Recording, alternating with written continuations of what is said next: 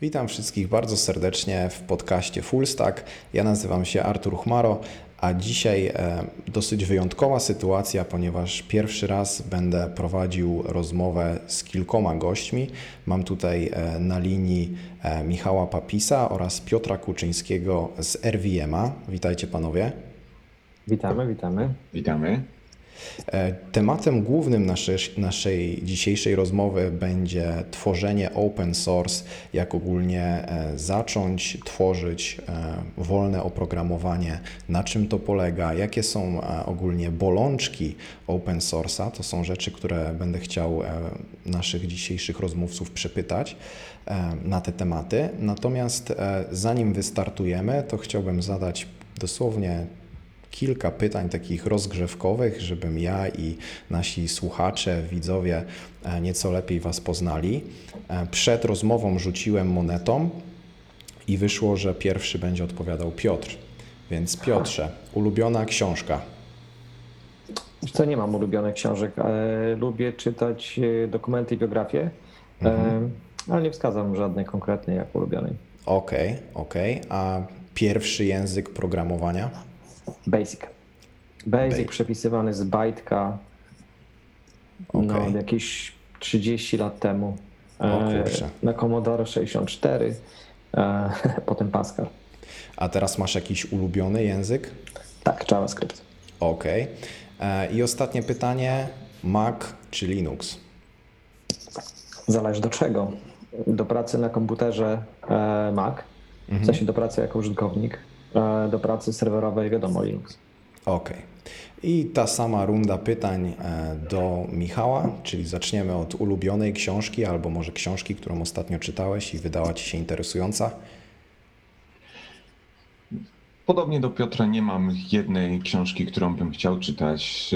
Bardziej się skupiam na fantastyce i w tym kierunku właśnie książki najbardziej mnie kręcą właśnie. Fantastyka, fantazy, sci-fi, mhm. magia. Ten kierunek książek mnie najbardziej kręca. E, jeżeli jesteśmy przy fantazy, to ja właśnie ostatnio czytam trochę taką książkę Dark Fantazy czeskiego autora e, Mirosława Zambocha. Nie wiem, czy słyszałeś o gościu, ale naprawdę fajnie pisze, takie trochę, e, aż taką trochę chorą fantastykę, ale mi się to podoba, mm. tak właśnie, żeby się móc oderwać trochę od tego naszego świata. A e, pierwszy język albo ulubiony język programowania? Pierwszy język. Pierwszy język to podobnie do Piotra to był Basic, tylko nie na Commodore, tylko na Tarynce. Mhm. I te, też przepisywanie z, z bajtku, przepisy, y, nagrywanie z kaset. A mój ulubiony język w tej chwili głównie podoba mi się Ruby ze względu na jego elastyczność, ale widzę, widzę te same zalety w JavaScriptie i większość języków zaczyna go doganiać Ruby'ego, także ostatnio na przykład C++ trochę na Androida programuję i jest bardzo podobny. Już większość tych rzeczy, które kiedyś były unikalne dla Rubiego, teraz można znaleźć we wszystkich językach. Także Ruby, ale tak naprawdę wszystkim dobrze się już pisze. Mhm. I ostatnie pytanie rozgrzewkowe. Mac czy Linux? No tutaj już będę trochę inny. Tutaj już tylko Linux. E, tutaj no, chyba właśnie ze względu na RVM miałem okazję trochę posiedzieć na Macu i zobaczyć, jakie problemy mają programiści na Macu. Bo rozumiem, że dla użytkowników Mac może być użyteczny, ale dla programistów jest to dla mnie koszmar, także Linux. Mhm. A zdradzisz, e, z jakiej dystrybucji obecnie korzystasz? Obecnie korzystam z OpenSUSE na swoich, na komputerze i jeśli gdzieś dla kogoś instaluję, to na ogół jest to OpenSUSE. Jeśli mam komuś polecać, to Mint, a na serwerach cokolwiek. Mm -hmm. No ja jeżeli chodzi o używanie Linuxa, to zawsze po prostu wracam do Ubuntu, czyli jeżeli coś -hmm. zaczyna mi nie działać, to zwykle jak e, odpalę coś na Ubuntu, to zwykle moje problemy znikają, ale fakt faktem, że z OpenSUSE nie, nie, nie korzystałem, więc nawet e, nie wiem, ale e, na pewno jak będę miał okazję, to um, sprawdzę, jak to działa. E, więc przejdźmy teraz już bardziej do tematu dzisiejszego odcinka. Mamy za sobą pytania rozgrzewkowe, e, więc chciałbym e, na początek może zapytać Ciebie, Michał, czy pamiętasz w ogóle swoją pierwszą styczność z open source jako kontrybutor? Czy pamiętasz taki moment, który mógłbyś określić, że to był Twój pierwszy raz tak w świecie open source aktywny? Czyli, że nie, że korzystałeś, ale coś po prostu pomogłeś komuś, czy, czy w pewien sposób się do, do czegoś przyczyniłeś. Tak, zaczęło się, zaczęło się od zgłaszania bugów. Ja myślę, że to jest jeden z najprostszych sposobów dla każdego użytkownika, żeby zacząć e, pracować z open source. Po prostu zgłosić, jeśli są tam jakieś błędy. To, to były takie proste informacje, gdzieś coś nie działało. Większość systemów ma narzędzia do raportowania, jeśli coś nie działa, to można go od razu zgłosić. Także to automatycznie można pomóc, y, praktycznie nie, nie przykładając palca do tego faktycznie, ale można te błędy zgłaszać, także to było, to było pierwsze. A taka aktywna, gdzie faktycznie już coś wykonywałem, to zaczęło się od RVM-a. I cały czas od, od się zaczęło przy cały czas jestem. Jak zaczynałem z Rubim, cały ekosystem jeszcze leżał, za dużo nie było możliwości y, automatyzacji, większość rzeczy trzeba było robić ręcznie. I kiedy odkryłem RVM-a, zakochałem się, zacząłem pomagać. Okazało się, że jest niesamowita ilość ludzi, którzy potrzebują pomocy, a miałem jakiś swój skill baszowy, byłem w stanie pomóc i dawało mi to dużo przyjemności. Mhm. Tu takie drobne przypomnienie dla naszych słuchaczy, że RVM jest to e, narzędzie e, bardzo popularne wśród zwłaszcza programistów Ruby, które pozwala jakby na jednym systemie zainstalować kilka różnych wersji Ruby, co jest mega pomocne, zwłaszcza jak ktoś jest freelancerem i na przykład jeden z jego projektów korzysta z najnowszej wersji Ruby, a mamy też na przykład klientów, którzy korzystają z tych starszych i trzeba to jakoś pożenić ze sobą razem i myślę, że każdy, kto miał styczność z Rubim, e, to powinien e, gdzieś tam się naciąć e, na ten projekt. Zaraz pytam, podpytam Ciebie, Piotr, o Twoją pierwszą kontrybucję, ale jeszcze chciałbym zapytać, Michał, czy może znasz jakieś statystyki odnośnie RVM-a? Nie wiem, ile razy ktoś go pobrał, czy coś w tym stylu, bo szukałem tego i nie mogłem znaleźć takiej informacji. Tak, tak. Statystyki są dosyć ciężkie do wyciągnięcia, ponieważ e, my samych informacji o tym, kto instaluje RVM'a i ile razy bezpośrednio nie mamy. Ale mamy kilka informacji z naszych serwerów, na przykład ile razy został uruchomiony installer. To są setki tysięcy razy miesięcznie, miliony rocznie Mamy kilka gemów, które są instalowane razem z RVM w trakcie, kiedy się instaluje coś, kiedy coś się uruchamia i te gemy mają po kilkadziesiąt milionów pobrań. Także minimum milion ludzi w ciągu roku korzysta z RVM-a, ale zakładam, że te liczby są większe. Mhm. To naprawdę ro, robią te liczby wrażenia, wrażenie. E, podpytam o to jeszcze bardziej szczegółowo później, a teraz wrócimy do Piotra.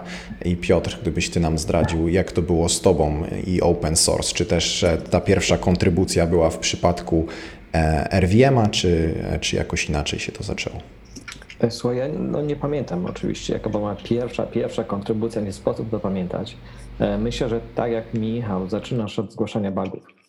Czyli coś ci nie działa, próbujesz coś rozwiązać, e, poszukujesz tej metody, w końcu nic się nie udaje, reportujesz błąd.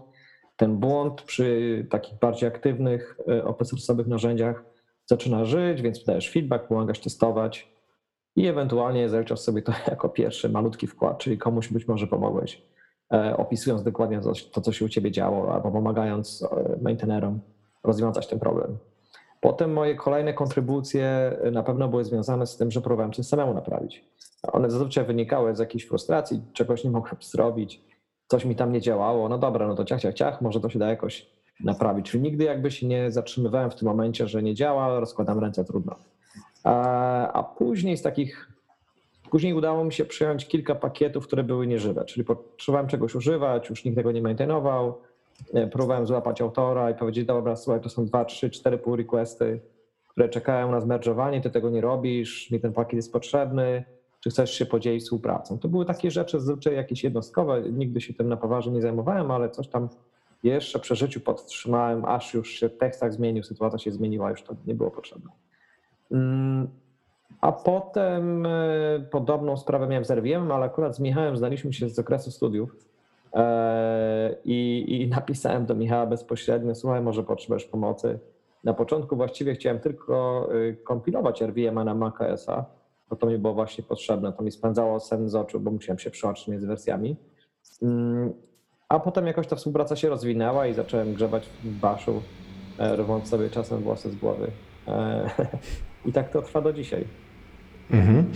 E, I domyślam się, no bo sam ja nigdy nie stworzyłem żadnego projektu open source, więc e, jakby to są moje domysły, ale w pewnym momencie, kiedy tworzycie jakiś projekt, kiedy jakby upubliczniacie go, no to chyba w pewnym momencie pojawia się coś takiego, że mm, uświadamiacie sobie, że to jest ważny projekt, tak? że ktoś z niego korzysta, że są firmy, które jakby budują projekty w oparciu o ten projekt.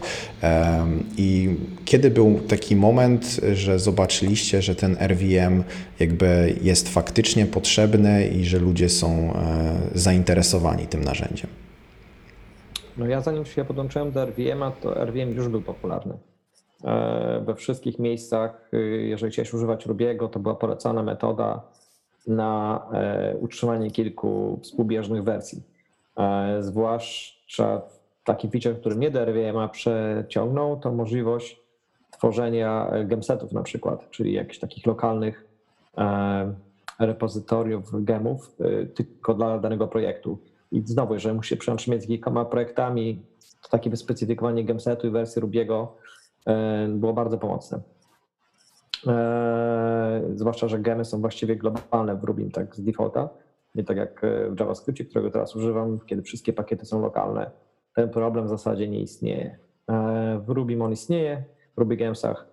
Więc to, to było to, co mnie przyciągnęło do RVM, więc ja już RVM znałem bardzo długo i po prostu chciałem pomóc, tak jak we wszystkich innych przypadkach. Nie wiem, jak było Michała. No, z mojej strony RVM zaczynał wtedy swoją przygodę, jeśli jeszcze nie był do końca super popularny. Ludzie zaczynali go używać i było to. Przyjemność dawało mi rozwiązywanie tych problemów, także zostałem przy RVM-ie.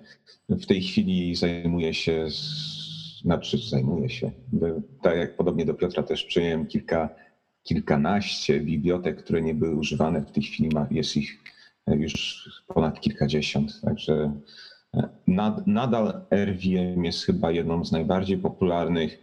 Jest jedna z bibliotek, która mi się najbardziej podoba, e, która powstała przy tworzeniu RVM-a, e, Ruby Gems Bundler, gdzie jednym z problemów, które mieliśmy w RVM-ie, gdzie codziennie były requesty, coś nie działa, coś się psuje, co, co, coś, coś RVM mi popsuł. I błąd nie był w RVM. Błąd był w sposobie, w jaki sposób ludzie używali e, Rubiego i ludzie zapomnie, nie wiedzieli o tym, albo zapominali pisać bundle exec przed każdym poleceniem. I wtedy Wtedy zacząłem szukać, jak można ten problem rozwiązać i stworzyłem bibliotekę, która automatycznie za ludzi wykonuje bundle exec. To spowodowało, że ilość błędów w RVM zmniejszyła się dziesięciokrotnie. Także no, tutaj chyba właśnie czas, czasami problem powoduje, że tworzymy coś, co jest popularne. Mhm. E, czyli bo jednak, e, tak jak sobie wyobrażam, dużo czasu Wam e, leci na tworzenie tego open source'u, tak? Bo jednak e, trzeba przeglądnąć te wszystkie merge requesty, e, trzeba czasami zlokalizować, czy to, co użytkownik e, zgłasza, to jest faktycznie błąd po stronie oprogramowania, czy to jest po stronie użytkownika. E, więc jakby samo to zajmuje kupę czasu, nie licząc już jakby faktycznej implementacji e, jakichś fixów albo jakichś e, nowych funkcjonalności. I teraz domyślam się, że e, żeby zdecydować się na to, że poświęcacie czas na tworzenie open source'a, no to momentalnie macie mniej czasu na inne rzeczy, tak? Na jakąś pracę komercyjną, na e, spędzenie czasu z rodziną, na jakieś aktywności e, fizyczne, żeby pójść pobiegać, nie wiem, przyjechać się rowerem. No doba jednak ma 24 godziny. I teraz domyślam się, że są jakieś czynniki, które powodują, że mimo wszystko chcecie poświęcać czas na tworzenie open source i właśnie to muszą być jakiegoś rodzaju korzyści, przynajmniej tak ja rozumuję. I teraz właśnie co jest u Was taką siłą napędową, e, żeby tworzyć e, open source? Nie chce zacząć, dobra. Wiesz co, ja myślę, że y, ja mogę powiedzieć tylko o sobie oczywiście. Nie wiem, co myśli Michał. E, myślę, że open source daje dużo satysfakcji. Dla mnie e, robienie RVM-a e, to jest coś takiego, taki, taka forma trochę odmurzenia i zrelaksowania się. Nikt cię nie goni z kijem, nikt nie ma głupich pomysłów. Jak to czasami bywa w pracy, nie musisz robić tego, co musisz, tylko możesz robić to, co chciałbyś robić. Więc ta wolność tworzenia i kreacji dla mnie jest taka satysfakcjonująca. To jest dla mnie taki, wiesz, Niektórzy grają w szachy, niektórzy idą na rower, e, niektórzy może idą na basen. E, I ja też chodzę czasem na basen, ale ten RVM gdzieś tam skrobnięty wieczorem przez godzinkę, e, to jest dla mnie taka forma relaksu tak naprawdę.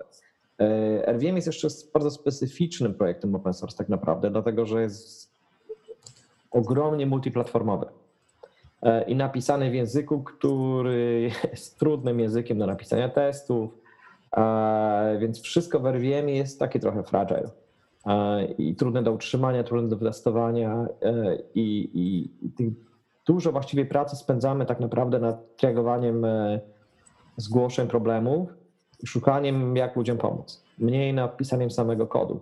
To jest w pewien sposób deprymujące, mógłbym powiedzieć, e, bo nie masz tego środowiska, ludzie mają bardzo pokrzaczone konfiguracje nie wiesz, co tam dłubnęli sobie na Linuxie i w tej chwili no, pom pomóc takiemu człowiekowi jest bardzo trudno. A tych maintainer w RVM nie jest zbyt dużo. E, w innych projektach open source'owych, kiedy możesz faktycznie tworzyć bardziej feature'y, coś rozwijać, albo ludzie częściej sami chętnie dają pull requesty, bo sytuacja jest 100 razy prostsza, e, bo jest jakieś bardziej monolityczne środowisko, e, to na pewno więcej uwagi trzeba poświęcić na przeglądanie pull requestów i trzymanie tego wszystkiego jako taki kupie, żeby jedno drugiego nie wykluczało, nie nadpisywało, żeby kod był czysty. Więc ta nasza praca w RVM no jest e, trochę inna, wymaga trochę innego zaangażowania intelektualnego, bym powiedział, niż, e, niż taka codzienna praca deweloperska, ale na pewno jest dużo satysfakcji z tego, dlatego że czujemy, że to ma sens, czujemy, że komuś pomagamy. Jest taka fajna wymiana energii między e, tobą jako maintainerem, a, a całym community, które wokół tego jest stworzone. Dla mnie to jest bardzo satysfakcjonujące. Tak. Podobnie jak Piotr, dla mnie to też e, zaczęło się od satysfakcji. Ta satysfakcja jest niesamowita, kiedy możemy komuś pomóc.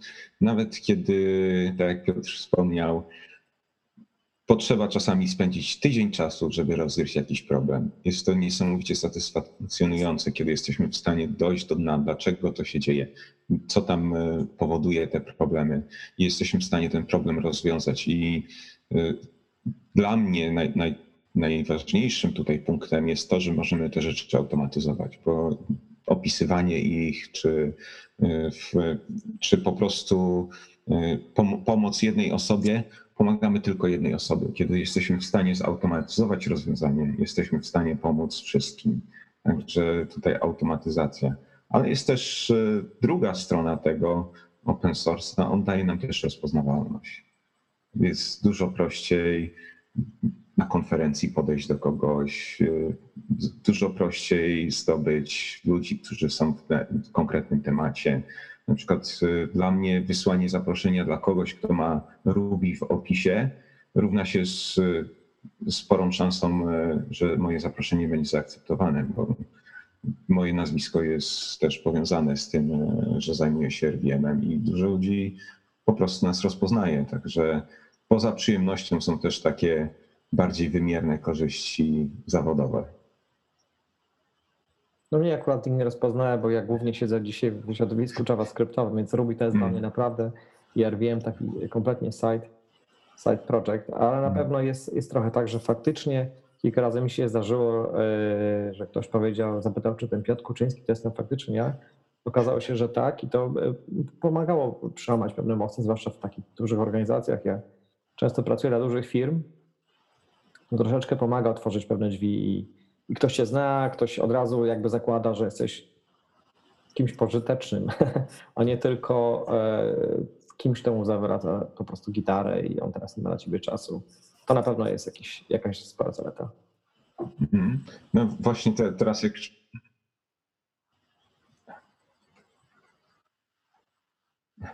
Tak, właśnie jak już Piotr o tym powiedział, otwieranie drzwi, właśnie mi się skojarzyło, że właśnie firmy patrzą na to, czy ktoś też zajmuje się open source'em.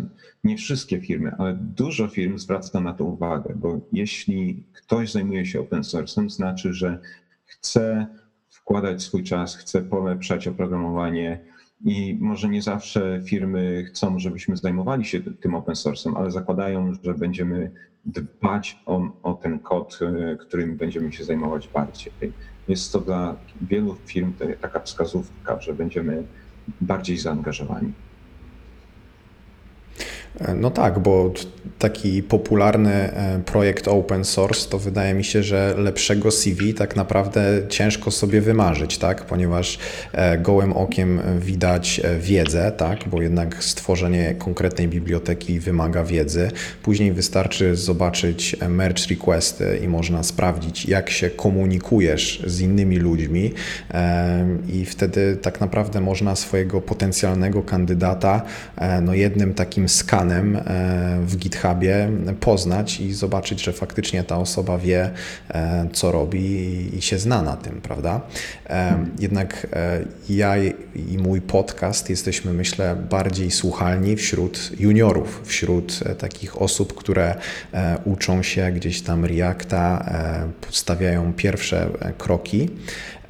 I chciałbym teraz podpytać o pewne korzyści, które mogą płynąć także dla takich osób początkujących, ponieważ e, w Waszym przypadku jest myślę tak, że no, tworzenie RVM-a niekoniecznie podniosło waszego skilla programistycznego, tak? bo wy już e, przyszliście tutaj z, z pewnymi umiejętnościami i je po prostu no, jak takie narzędzie wykorzystaliście, prawda?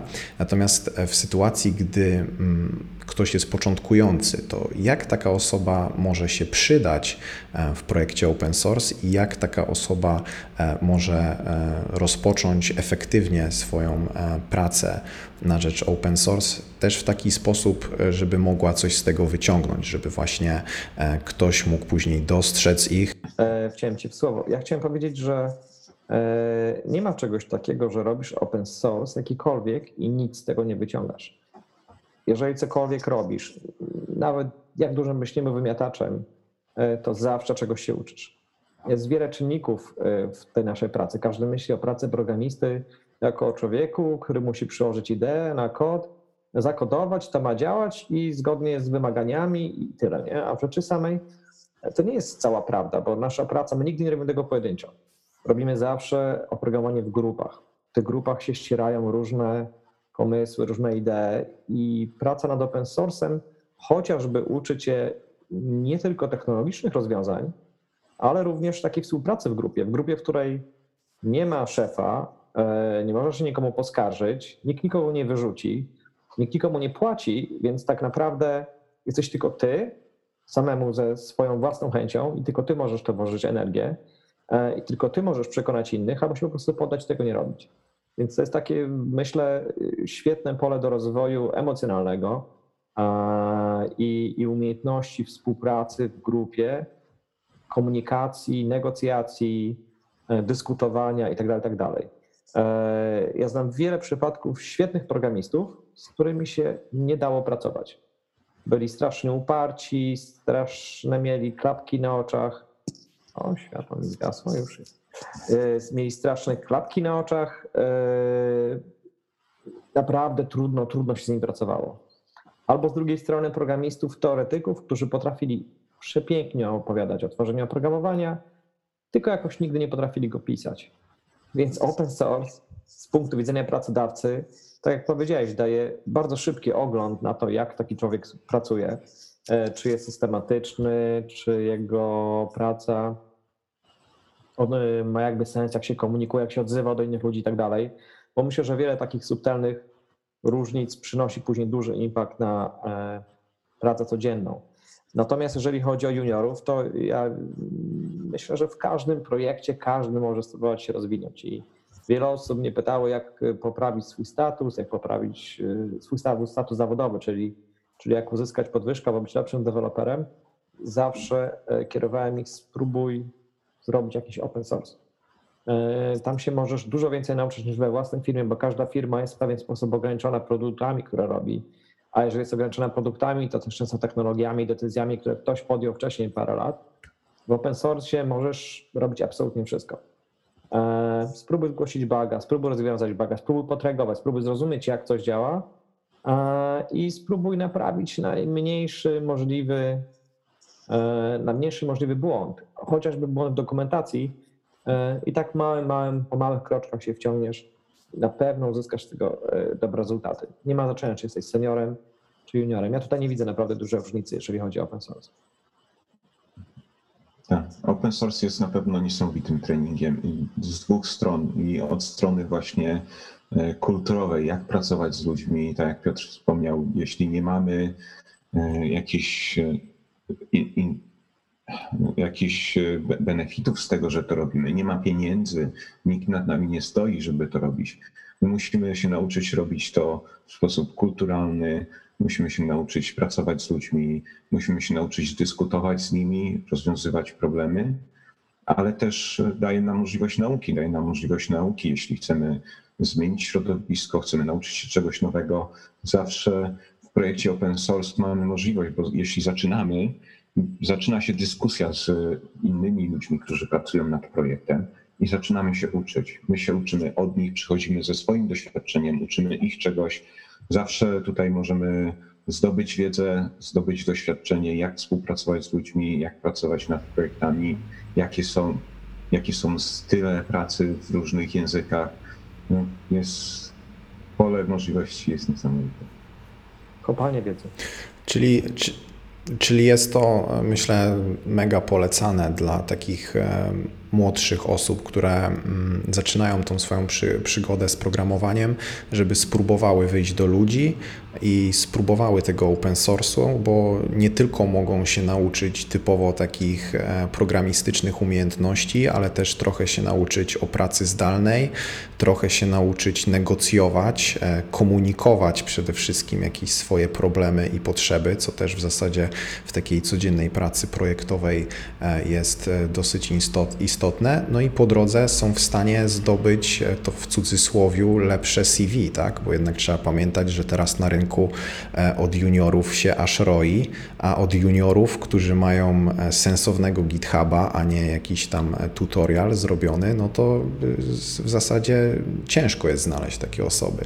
Więc nie wiem, jaką dać może takie w miarę takie podsumowanie tego tematu, czy może po prostu poradzić takim osobom, żeby szukały projektu i się zgłosiły do twórcy, hej, jestem juniorem, ale chciałbym Ci pomóc, jak mogę to dla Ciebie zrobić, czy nie wiem, mam przeglądnąć issuesy, czy mam, nie wiem, e, potestować coś, e, czy mam, nie wiem, zobaczyć tego małego baga i wtedy po prostu w ten sposób zacząć od takiego pytania, prawda? Co Wy na to sądzicie? Jak najbardziej. Samo, nawet czasami nie trzeba się pytać. Wystarczy zweryfikować, że e, problemy, które są otwarte, faktycznie są problemami i nadal są istotne dla projektu.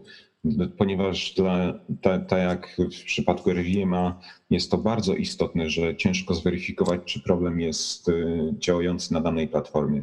Im, pro, y, im biblioteka, im nasz projekt będzie większy, tym trudniej jest maintainerom weryfikować, czy faktycznie te problemy nadal są istotne, czy nadal występują. Proste zweryfikowanie dla mnie działa, dla mnie nie działa daje niesamowitą ilość czasu dla osób, e, które zajmują się projektem, a dla takiego juniora daje możliwość zobaczenia, jak ta biblioteka działa, co tam się dzieje. I to jest potem chwila, tak jak Piotr wspomniał. Zaczynamy próbować rozwiązywać problemy i się okazuje, że nagle jesteśmy maintainerem. Im więcej czasu wkładamy, tym bardziej się to podoba innym ludziom i często od razu nas dodają do projektu. Są różne zasady w, w różnych projektach, ale spotkałem się dosyć często z zasadą, że jeśli pomagasz regularnie, to jesteś maintainerem i automatycznie to się dzieje. Tak, ja, y, ja w, jakby w wybieraniu swojego zaangażowania w projekt open source'owe zawsze sobie zerkam, czy, czy ktokolwiek projekt maintainuje, bo to jest y, czasami taki problem, y, że projekty są niestety już nieżywe. E, i, i są jakieś pull requesty i tego nie merge'uję, wtedy być może nie warto w to inwestować czasu.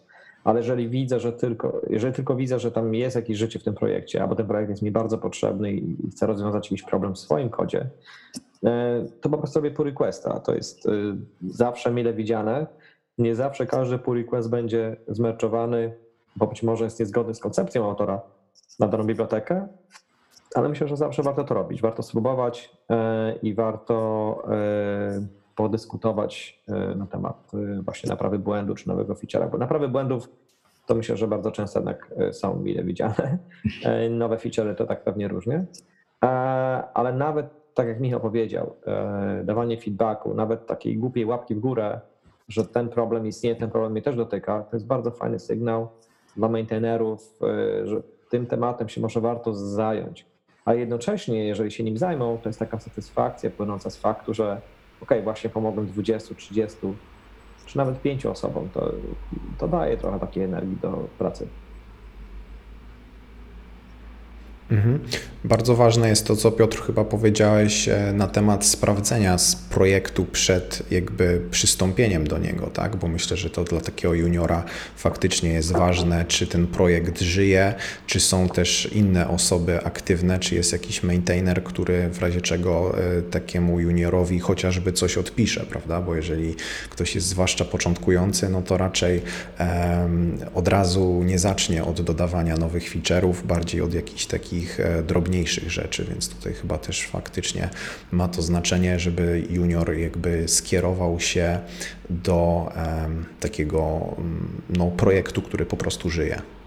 Tak, myślę, że to jest ważne, a, a jeszcze tak przyszło mi do głowy, jak sobie rozmawiamy, że jednym z najbardziej zaniedbanych elementów większości projektów informatycznych to jest dokumentacja. Przykłady są bardzo często zdezaktualizowane, albo ich w ogóle nie ma, albo cokolwiek. I pisanie dokumentacji jest upierdliwe, jest trudne, mało osób to umie zrobić w fajny, przejrzysty sposób. E, a jednocześnie jest ważne, bo uważam, że dobra dokumentacja pokazuje, czy ty się będziesz umiał komunikować w pracy, e, czy będziesz potrafił w jasny, przejrzysty sposób wyrażać swoje idee, a to jest akurat w pracy programisty bardzo ważne. E, więc zawsze można poprawiać chociażby README-MD, który w każdym projekcie open source występuje dodać jakiś przykład, poprawić e, jakąś nieścisłość. E, jeżeli zastanawiasz się jako początkujący deweloper, jak to tak naprawdę działa i nie potrafisz znaleźć żadnego przykładu albo przykład, jak to zastosować, zajmujesz tylko i wyłącznie e, na Stack Overflow, to być może możesz się zastanowić, czy nie warto by było tego przykładu umieścić w dokumentacji, o czym autorzy często zapominają, bo, bo to jest, nikt tutaj nie zarabia za to pieniędzy więc każdy jedzie z takimi bieżącymi sprawami albo jakimiś większymi może ideami, ale niekoniecznie z dokumentacją. I więc warto pull requesta wrzucić. Albo to łyknie, albo ktoś to faktycznie zmerczuje e, i już masz jeden mały punkcik do karmy, albo tego, albo ktoś to po prostu zignoruje. No jakby zawsze jest jakieś, ryzyko, prawda? Natomiast myślę, że dokumentacja akurat wszyscy łatwo przyjmują. Tragowanie właśnie errorów to jest drugi, drugi sposób i ewentualnie jakieś drobne poprawki.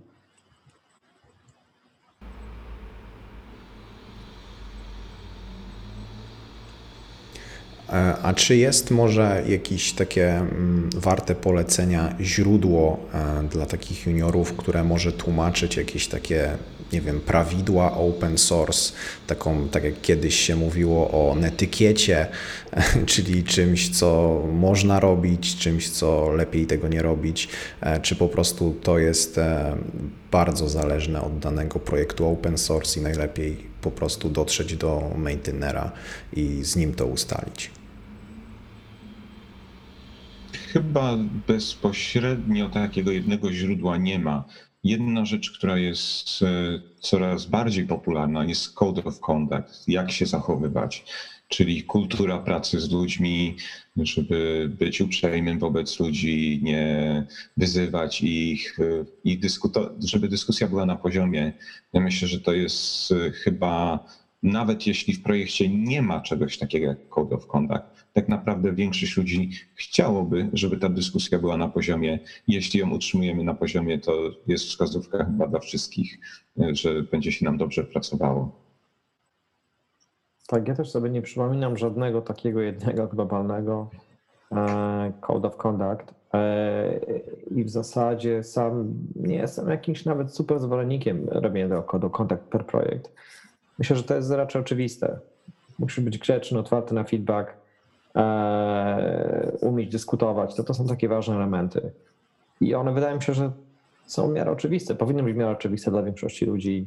Więc to, co na pewno mogę doradzić początkującym programistom i również niepoczątkującym programistom, nie bójcie się, zgłaszajcie poprawki, róbcie pull requesty, e, bawcie się tym, dokładacie swoją cegłę E, do tej całej wielkiej budowli. E, nikt tego nigdy nie odrzuci, każdy, zawsze to jest mile widziane. Każdy drobny wysiłek jest mile widziany.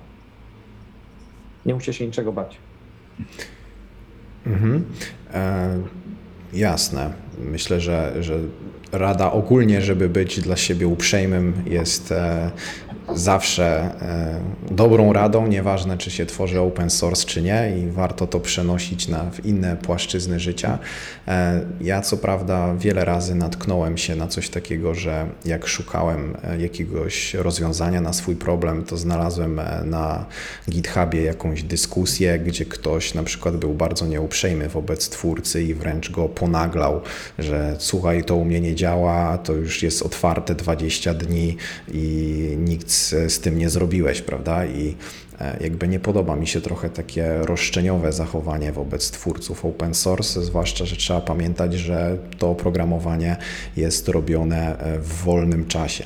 I też właśnie chciałbym zapytać o takie mm, bolączki open source'owe. E, czy może się spotkaliście z czymś takim, czy są jakieś problemy, które, nad którymi warto by się było pochylić, żeby no, ten ruch open source e, miał się dobrze?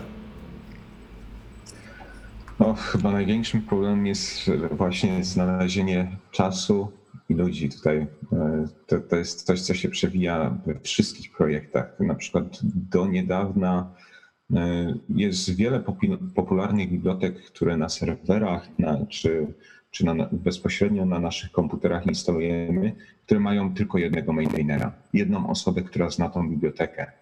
Największym problemem jest to, że są to projekty, które są bardzo istotne dla wszystkich, nie tylko dla pojedynczych osób. Cały świat z nich korzysta, są duże firmy, które z nich korzystają i nikt z powrotem nie daje tym projektom. Jest bardzo ciężko e, znaleźć te, te projekty, czy faktycznie jest tam jeden maintainer. Tutaj duży problem jest, że brakuje chętnych, brakuje czasu tym chętnym, jeśli już się znajdą, i nikt ich nie docenia, tak jak wspomniałeś wcześniej, że y, rozwiąż ten problem szybciej. Tutaj wydaje mi się, że open source daje ludziom możliwość, daje ludziom możliwość zrobienia więcej, daje możliwość wglądu w kod, daje możliwość y, poprawienia błędów samemu. Niestety poziom zwrotu z całego społeczeństwa ogólnie jest dosyć niski. Firm, firmy powstają, które próbują zrobić jakiś model biznesowy wokół projektów open source, ponieważ wtedy jest finansowanie, żeby ten projekt mógł żyć, żeby mógł kontynuować. A niestety często te projekty ma, mają braki. Mają braki ludzi, mają braki czasu. I oczywiście można by było to wszystko też uzupełnić pieniędzmi, ale brakuje jednego takiego konkretnego źródła, skąd znaleźć, skąd znaleźć pieniądze, skąd znaleźć czas, skąd znaleźć maintainerów, żeby te projekty mogły żyć i kontynuować, nawet gdy są używane przez cały świat. Okazuje się, że jest tylko jeden maintainer i gdyby on zachorował, gdyby coś mu się stało, nagle nikt tego nie zna. Tutaj ten poziom, poziom zwrotu jest dosyć niski i czekam na czas, kiedy będziemy wiedzieć, jak się promować, albo no, będziemy po prostu. No, może ktoś od marketingu powinien nam pomóc. Ja myślę, że nie ma takiego uniwersalnego sposobu e, na poruszenie świata open source.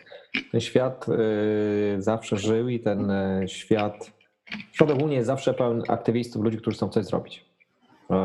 I w różnych dziedzinach i są różnego rodzaju wolontariaty. To, co my robimy jako open source, to jest tak bardzo szumnie nazywane open source'em, to tak naprawdę jest wolontariat. My pracujemy w zasadzie za darmo. E, czasem są jakieś źródła finansowania, tak jak Michał wspomniał, jak Open Collective, gdzie, e, gdzie jakieś tam pieniążki wpadają, ale to są absolutnie jakieś znikome kwoty, nawet przy tak popularnych projektach jak Open Source. Nie jest coś, z czego moglibyśmy się utrzymywać. E, ty, Michał, chyba coś masz o tym więcej powiedzieć, bo pamiętam kiedyś jakąś zbiórkę robiłeś na RVMA 2, mm. więc możesz o tym napomknąć. Ja widzę duży ruch ze stron firm, dużych firm informatycznych, które coraz częściej open source'ują swój kod. E, jest wiele zalet open source'u, takich chociażby, że wiele osób będzie sprawdzało Twoje rozwiązanie pod różnymi kątami, co sprawia, że ono ostatecznie staje się lepsze. React jest open source'owy.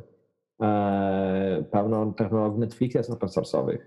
Nikt tym dużym firmom, które, które z tym wyszły, nie ukradł tej technologii, żeby zrobić dokładnie ten sam projekt, który one robiły, E, i skopiować ich pomysł. To są tylko narzędzia. E, a każda duża firma coraz mocniej zdaje sobie sprawę, ja tak uważam, jak bardzo ważne jest, żeby narzędzia były utrzymywane przez kogoś, bo utrzymanie ich wewnątrz firmy to jest również dla firmy koszt. E, na razie mało jest takich, tak jak Michał mówi, źródeł finansowania. Jest kilka firm próbuje to zrobić. Jest, taka, jest taki projekt Issue Hunt, który zgłasza się do popularnych pakietów i wtedy jako maintainer możesz wskazać, że za naprawę tego czy tamtego baga e, to ty jesteś w stanie zapłacić. Właściwie nie ty jesteś w stanie zapłacić, tylko naprawa tego czy tamtego baga jest szczególnie ważna dla projektu, a Issue Hunt poszukuje zewnętrznych źródeł finansowania, między innymi z takich dużych graczy jak Microsoft, Facebook czy inni, e, którzy wrzucają jakby taką ogólną paczkę pieniędzy co miesiąc, powiedzmy ileś tam tysięcy dolarów i Issue to dystrybuuje między te wszystkie issuesy, które według nich są warte uwagi. E, ale tego tak naprawdę można na, palce, na palcach jednej ręki policzyć. E, więc tutaj niestety trzeba się chyba przyzwyczaić, że to jest taki wątek. I, i nic się z tym więcej zrobić nie da. Niektóre takie projekty znalazły inne źródło finansowania, czyli, czyli kod jest otwarty, ale na przykład serwis utrzymaniowy jest płatny E, tak jak robi e, Red Hat. E, I zapomniałem, jak się nazywa ten drugi otwarty system. Red Hat jest płatny, Michał na pewno wie. Red Hat i. Też nie pamiętasz. Jest, czy Nginx też tego co pamiętam ma... mhm. Nie pamiętam właśnie, nieważne. Nginx też ma płatny support, czyli firma mhm. rozwija software open source'owo, a, a bierze kasę z supportu płatnego dla firm. Mhm. E, ale znowu, tutaj naprawdę bardzo mało firm się w ten sposób rozwija, więc myślę, że tylko takie wsparcie e, międzyludzkie na dzień dzisiejszy daje, czyli zwykła satysfakcja, bardzo satysfakcję napędza ten open source i ja nie widzę za bardzo możliwości, żeby to się jakoś szybko, globalnie zmieniło. Mhm.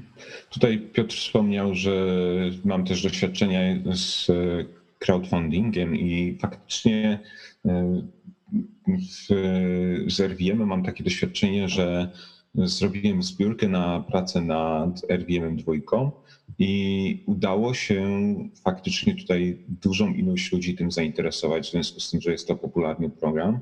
I na rok czasu pracy nad RVM-em udało się uzbierać pieniądze od ludzi i od firm. Większość pieniędzy pochodziła od ludzi nadal. Może nie wiem, około połowy. Czyli tutaj zainteresowanie firm było na niższym poziomie niż można było się spodziewać, ponieważ to programiści używają tego narzędzia. Ono nie jest niezbędne firmie. Ono jest potrzebne programistom, których ta firma zatrudnia. Tutaj myślę, że ta zależność pomiędzy tym, co ludzie używają, a co firmy potrzebują od ludzi, gdzieś zanika, że firmy już nie, integ- nie, nie, nie wchodzą za głęboko, co ludziom jest potrzebne. Jeśli jest to open source, dlaczego miałaby firma za to płacić? Niektóre firmy oczywiście jak najbardziej płacą, ale są wtedy firmy bardziej związane z użyciem te, tych, tych narzędzi, moim zdaniem. Ja myślę, że jeżeli chodzi o sponsorowanie open to ono raczej powinno się odbywać w trochę innych zasadach. E, tak mi się wydaje. I, I, myślę, że faktycznie firmy powinny wiedzieć, jak ważne jest używać dobrych narzędzi, czyli jak ważne jest, żeby narzędzia, których dana firma używa do budowy swojego produktu, były stabilne i rozwojowe, e, w związku z czym powinna pozwolić lub nawet zachęcać swoich własnych pracowników do pracy nad tym produktem open source'owym. Rozumiejąc, że nie każdą linijkę kodu musi, e, musi być właścicielem każdej linijki kodu, e, bo musi budować logikę biznesową, a nie narzędzia. Budowanie narzędzi to jest droga, moim zdaniem, donikąd, bardzo droga kosztowna. E, dlatego uważam, że firmy powinny zachęcać, pozwalając pracownikom na pracę godzinę dziennie, czy jeden dzień w tygodniu, nad dowolnym projektem open source, sponsorując swoją działalność w ten sposób. E, czyli taki, taki sponsoring nie bezpośredni, zakładając, że pracownicy doskonale wiedzą, czego potrzebują, jakie są te narzędzia dobre e, i, i które są używane w pracy. Firmy mogłyby oczywiście to sformalizować, prosząc o linkowanie chociażby jakichś issuesów z GitHuba, z narzędzi open source bezpośrednio do trackingu pracy firmowego, czyli każdy może zamiast robić zadanie w Jirze, że będzie rozwijał dzisiaj feature e, w ich własnym produkcie, e, może zrobić po prostu klona czy, czy linka do open source'owego issuesa, który musi rozwiązać po to, żeby ten produkt był e, lepszy. I, I, firma w ten sposób mogłaby przydzielać zasoby i kontrolować jakby to zużycie czasu i tą inwestycję finansową właśnie taką niebezpośrednią. Myślę, że to by dużo dało, chociaż ja sam nie znam żadnej firmy, która by taką metodologię stosowała w pracy. Większość firm, jeżeli pozwala, to pozwala na jakieś hackatony, czy jeden dzień w tygodniu, czy, czy dwa dni w miesiącu pracy nad własnymi rzeczami, niezwiązanymi bezpośrednio z produktami firmy. I to ludzie często wykorzystują na open source, ale nie zawsze. Czyli mamy tutaj takie trochę call to action dla programistów, żeby zgłaszali swoim szefom e, i szefowym, e, że chcą rozwijać open source i e, żeby zachęcali swoich mocodawców do tego, żeby wspierali ten ruch i żeby pozwalali kontrybuować, jeżeli nie mają oczywiście środków na to, żeby bezpośrednio wspierać różne projekty open source. Jak jesteśmy przy tym temacie, to chciałbym Was nieco podpytać o przyszłość open source, ponieważ tak jak myślę o open source w latach 90., kiedy na przykład, nie wiem, powstawał Linux, to jeden chyba z programistów e, Linuxa wiem, że pisał kod przybywając w więzieniu e, na jakichś tam kartkach papieru e, w swoim zeszycie. Później kolejni ludzie, którzy pracowali nad kodem open source, nie mieli GitHuba, tylko musieli, nie wiem, wymieniać ten kod jakoś przez jakieś listy mailingowe, wysyłać sobie spakowane te kody zipem i tak dalej. A teraz wyewoluowało to do tego, że mamy tak naprawdę Facebooka dla programistów, którym jest GitHub, gdzie możemy komentować, gdzie możemy rozpisywać swoje zadania, e, gdzie tak naprawdę wszystko jest podane w zasadzie na tacy. Nic tylko tak naprawdę kodować. Można to robić nawet e, z okna przeglądarki. Tam sobie kliknąć edit i w zasadzie wyedytować e, cokolwiek przez przeglądarkę, więc nawet ludzie nie mogą się zbytnio tłumaczyć, że nie wiedzą, jak obsługiwać Gita. No i teraz pytanie, y, co jeszcze może się wydarzyć w przyszłości? Zabawmy się trochę w takich może wróżbitów, e, co, co tu w tym open source mogłoby pójść do przodu, bo tak jak ja się zastanawiałem nad tym tematem, to wydaje mi się, że na przykład może mikrotransakcje związane z kryptowalutami, na przykład blockchain, mogłyby w jakiś sposób rozwiązać coś takiego, że tak jak Michał powiedział, RVM ma, nie wiem, milion e, zainstalowań miesięcznie, tak? Więc może przejść na jakieś nowoczesne sposoby licencji, że na przykład każda instalacja oprogramowania to kosztuje mnie na przykład e, pół centa albo jednego centa, tak? I w mhm. sytuacji, gdy mamy kryptowalutę, gdzie nie mamy mm, opłaty transakcyjnej, jak w przypadku wizy, minimum tam, nie wiem, 10 eurocentów, e, to jesteśmy w stanie na przykład to jakoś zapłacić. Czy, czy widzicie tutaj jakieś takie scenariusze, które e, są możliwe po prostu w przypadku open source? Tak, w tym wypadku zaczyna się mały problem, bo kiedy zaczynamy w jakikolwiek sposób ograniczać dostęp do tego kodu, to przestaje być to open source. Niedawno czytałem artykuł o, o jednej z baz danych, które, która jest open source, w tej chwili już nie pamiętam nazwy, ale spróbowali, zmieniają licencje. Zmieniają licencje, ponieważ niektórzy ludzie zaczynają z nich korzystać e, dla własnego zysku, a nie dają z powrotem.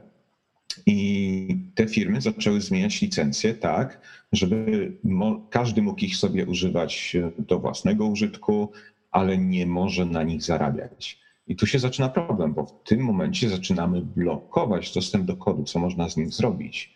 I to już przestaje być open source.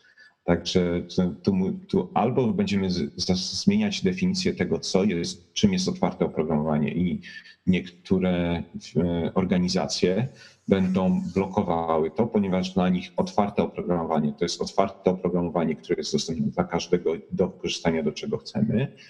E, a dla niektórych otwarte oprogramowanie to jest oprogramowanie, do którego możemy zajrzeć do kodu, możemy nad nim pracować, możemy go używać do własnych celów, ale nie możemy na nim zarabiać. I tutaj zaczynają się schody. E, my szukamy takiego rozwiązania licencji, które by pozwalało w jakiś sposób zarobić, ale też, żeby nie blokowało używania tego przez inne osoby. Tak naprawdę ktoś może mieć lepszy pomysł na biznes i nagle firma, która e, próbowała, która stworzyła oprogramowanie, udostępniła je, może wypadać z rynku, ponieważ teraz nikim nie płaci, bo ktoś miał lepszy pomysł na biznes. Ostatecznie to jest problem dla obydwu firm, bo ta firma, która miała lepszy pomysł, wygryzając tą pierwszą firmę, straci support swojego oprogramowania. Nagle będzie musiała zająć się tym sama, albo, jej, albo to oprogramowanie, którego używa, przestanie być użyteczne, gdzieś nie będzie niezgodne z systemami.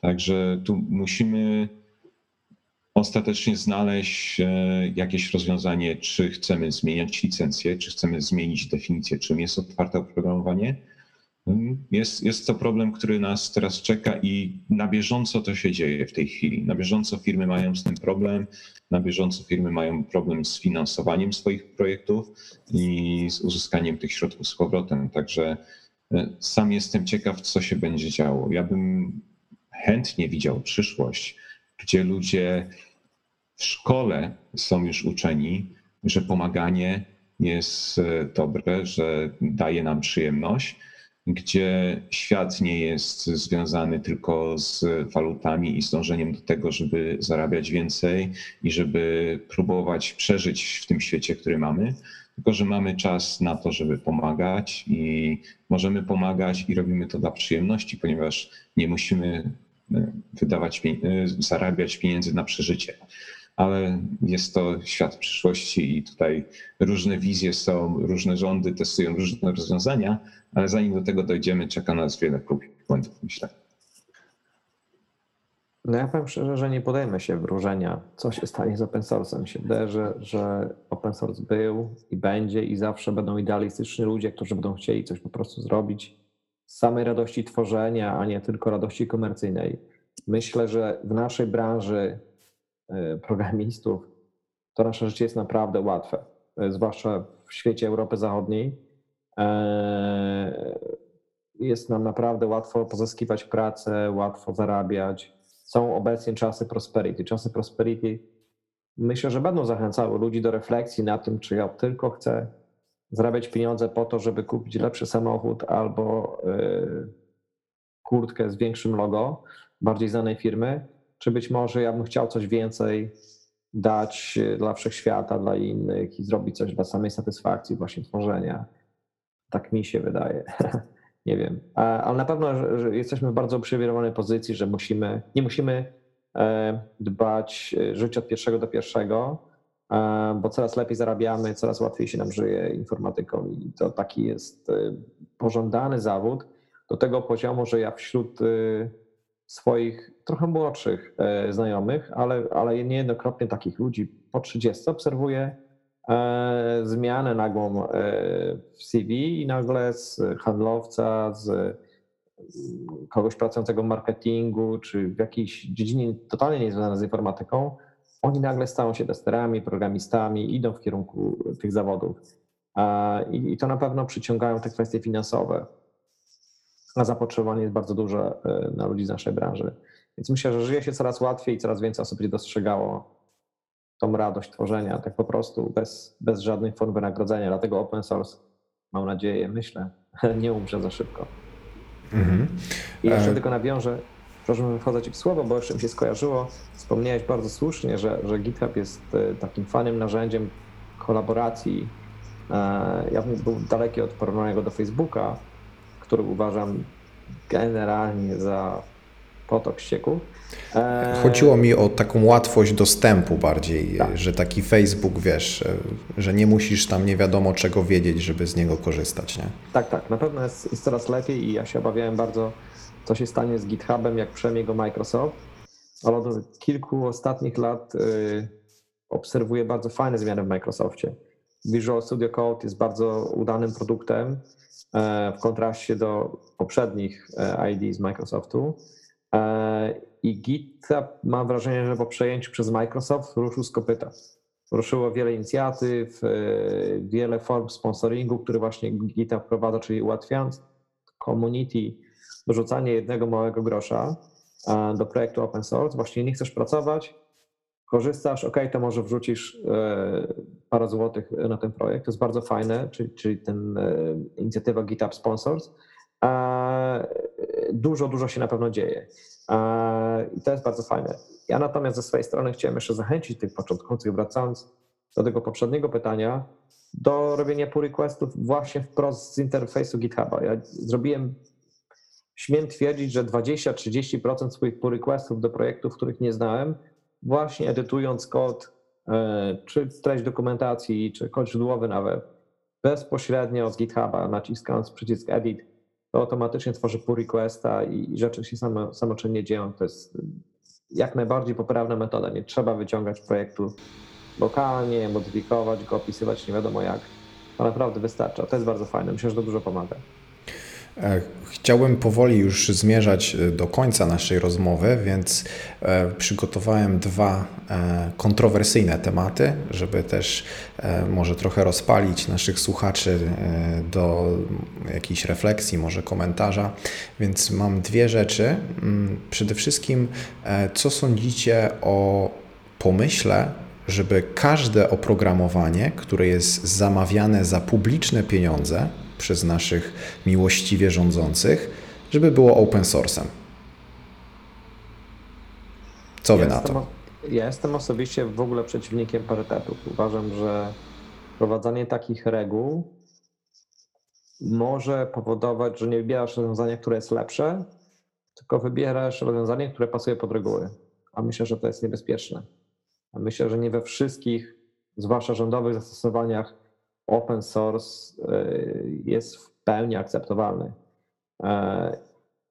Tak mi się wydaje. Natomiast jestem za tym, żeby rząd dostrzegał oczywiście znaczenie open source'a i publikował coraz więcej API, coraz więcej dokumentacji publicznie, nie tylko wewnętrznie. I myślę, że jednym z fantastycznych pomysłów byłoby tworzenie otwartego oprogramowania na zasadach takich, że to oprogramowanie ma otwarte API, e, czyli że do różnego rodzaju rządowych software'ów jest możliwość, oczywiście po uzyskaniu jakiejś tam autoryzacji i tak dalej, jest możliwość uzyskania dostępu przez programistów wykorzystania tych danych. To w pewien sposób będzie napędzało innowacyjność i to będzie powodowało, że e, coraz więcej firm będzie budowało usługi wokół e, tych urzędowych spraw. Dzisiaj dostanie się do urzędowych tematów e, to jest tylko ePUAP, który nie wiem, jak chory człowiek zaprojektował, bo nie wiem, co trzeba mieć w głowie, żeby zaprojektować tak skomplikowany system dla Szarego Kowalskiego. I niestety z tego się nie da nic wyciągnąć. Nie da się w żaden sposób podłączyć do jakiegokolwiek API y, utrzymanego przez stronę rządową i otrzymać jakiekolwiek dane. Stąd takie inicjatywy jak Open Data, które próbują te dane tam na siłę na podstawie różnych ustaw wyciągać i publikować gdzieś. Ale to jest tylko taka zabawka, brakuje systemowych rozwiązań. Więc jestem za tym, żeby oprogramowanie było otwarte, zwłaszcza dane były otwarte, oczywiście w takim zakresie, jak to, jak to jest możliwe, jak to może być możliwe, E, żeby budować jakiś ekosystem wokół tego. Natomiast jestem przeciwnikiem wymuszania, e, że korzystamy tylko i wyłącznie z open source'owych rozwiązań. Nie widzę sensu, bo kto miał to open source'owe rozwiązania wpisać, a potem utrzymywać. A, te urzędowe rzeczy ja bardziej, bardziej, mi, bar, bardziej mi chodzi o to, że na przykład jak Urząd Miasta Szczecin zamawia aplikację na przykład do wypożyczania roweru miejskiego, to mhm. żeby ta aplikacja była wrzucona na GitHub i żebym ja po prostu widział, że prezydent e, zamówił system, który ma szansę działać, a nie zapłacił za coś, tylko po to, żeby później co miesiąc płacić za utrzymanie i w kółko nam e, sprzedawać bajeczkę, e, że oni rozwijają ten system, a w zasadzie oni go zbudowali po to, żeby móc go naprawiać. Bardziej mi chodziło o, o, o takie jakby e, sytuacje i czy, czy tu open source mógłby pomóc. Oczywiście też bym był daleki od tego, żebyśmy udostępniali, nie wiem, kody jakichś rozwiązań militarnych, tak, że tam, nie wiem, mhm. przestrzeń powietrzna, czy Polski, tak, żeby była w open source, prawda? Nie, nie o to też mi chodzi chodziło? Wiesz co, myślę, że, że oczywiście ja, ja, jestem przede wszystkim mm, zwolennikiem otwartych danych, czyli e, niekoniecznie oprogramowanie musi być otwarte na poziomie kodu źródłowego. Ważne, żeby miało interfejsy, do których się możesz podłączyć i coś zbudować on top of that. Bo mi się wydaje, że tutaj jest e, ciekawa innowacja. To, że masz aplikację do roweru miejskiego, to jedna rzecz, ale może za chwilę masz hulajnogi, może za chwilę masz jeszcze coś innego i możesz na przykład zbudować, ktoś może zainwestować czas, zbudować jakąś usługę wokół tego. To jest moim zdaniem dużo, dużo ważniejsze niż to, że sam rower miejski jest aplikacją otwartą. E, oczywiście widzę dużo zalet tego, że ta aplikacja, aplikacja byłaby aplikacją otwartą, ponieważ ludzie, którzy chcieliby poświęcić swój czas, żeby ją ulepszyć, mogliby to zrobić. Natomiast e, dalej musiałbyś i tak płacić jako miasto komuś, kto by te pull requesty przeglądał e, i, i świadczył jakiś serwis utrzymaniowy, więc nie do końca wydaje mi się, że rozwiązujesz problem. Natomiast tak, otwartość interfejsu to jest dla mnie to, co jest y, dużo ważniejsze. Nie wiem, jak co Michał sądzi.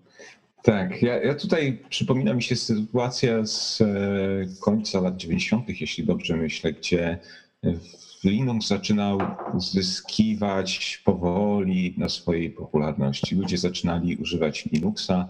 E, były to takie wielkie początki ale wiele osób było zachwyśniętych tą możliwością sprawdzenia kodu, zobaczenia, poprawienia go i był to niesamowity motor, siła napędowa tego Linuxa, która da, dała mu dużo energii, gdzie ludzie właśnie zachwyceni tym, że mają kontrolę nad tym, co się tam dzieje, zaczęli pomagać.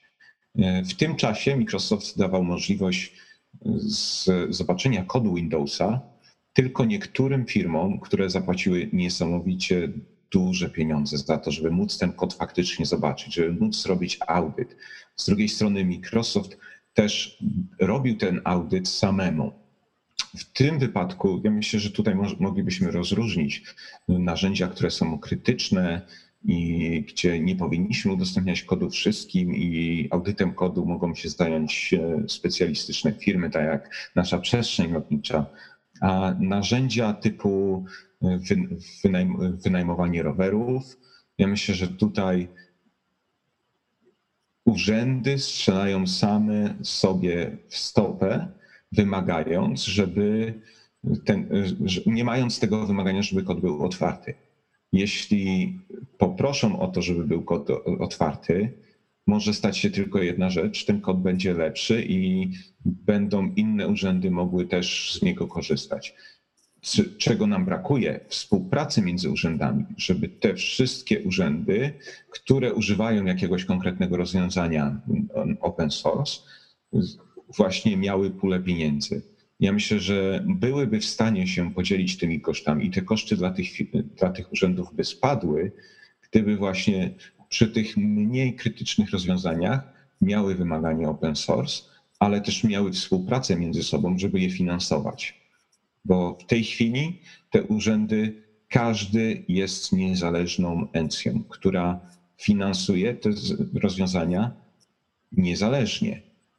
Kiedy te urzędy by zaczęły ze sobą współpracować, miałyby wspólną pulę pieniędzy, mogłyby uzyskać dużą ilość, dużą dużo większą ilość programów, które mogą być dla użytkowników i tak jak tutaj Piotr mówił, to Open, Open API byłoby bardzo istotne ale dopóki te urzędy nie zaczną ze sobą współpracować, wymaganie samego open source dla open source nie musi być pozytywne. Ja myślę, że tutaj byłoby bardzo istotne, żeby te urzędy ze sobą współpracowały, żeby nawiązały jakąś współpracę, gdzie będą mogły uznać, ok, to miasto ma taki dochód, daje, nie wiem, jeden promil, jedną dziesięciotysięczną swojego dochodu na utrzymanie projektów open source i wtedy duża większość ilość miast miałaby możliwość e, współpracy i rozszerzenia swoich, e, swoich usług dla obywateli.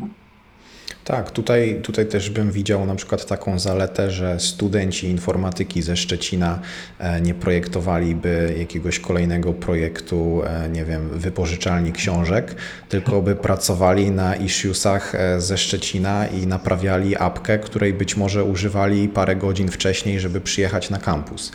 Więc e, tutaj wiadomo, że fajnie jakby ten cały system e, sprzyjał temu, bo tak jak powiedziałeś, no e, w zasadzie jak jest otwarty kod, jest to zrobione mądrze, no to w zasadzie mogą się tylko dobre rzeczy z tego jakby stać. Na koniec chciałbym jeszcze...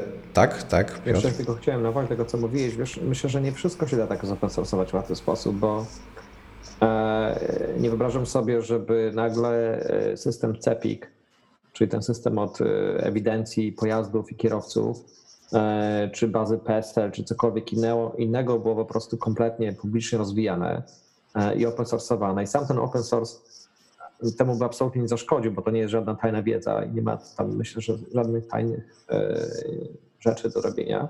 Natomiast nie wyobrażam sobie, żeby ludzie tam wrzucali poprawki tak po prostu z niczego. Nie? Myślę, że to jest zbyt poważna sprawa dla funkcjonowania całego systemu e, państwa, czy, czy, czy chociażby system do lekarza. Nie chcesz się obudzić któregoś dnia, nie móc się zarejestrować do lekarza, czy nikt się w całej Polsce nie może zarejestrować, bo jakiś student informatyki ze Szczecina wrzucił pull requesta i ktoś go nieświadomie e, wiesz, przepuścił. Nie? No myślę, że tutaj jednak e, poziom oczekiwań odnośnie jakości jest dużo większy. Ponieważ oprogramowanie open source'owe jest niskiej jakości, natomiast myślę, że byłoby to bardzo, bardzo trudne do zrealizowania tak naprawdę. I tak jak powiedziałem wcześniej, myślę, że otwartość danych i interkomunikacja między systemami jest 100 razy bardziej ważna. I to jest coś, czego brakuje mi w codziennym życiu, bo idę do urzędu i czasami muszę w urzędzie miejskim przenieść papierek z jednego okienka do drugiego, bo nie ma komunikacji wewnątrz miasta, czy między miastem a urzędem wojewódzkim, czy jakimiś innymi urzędami. Brakuje takiej podstawowej komunikacji e, na poziomie danych i oni nie mogą tego zrobić sami. To, to by myślę, że dużo więcej pomogło e, i więcej innowacji przyniosło. Mhm.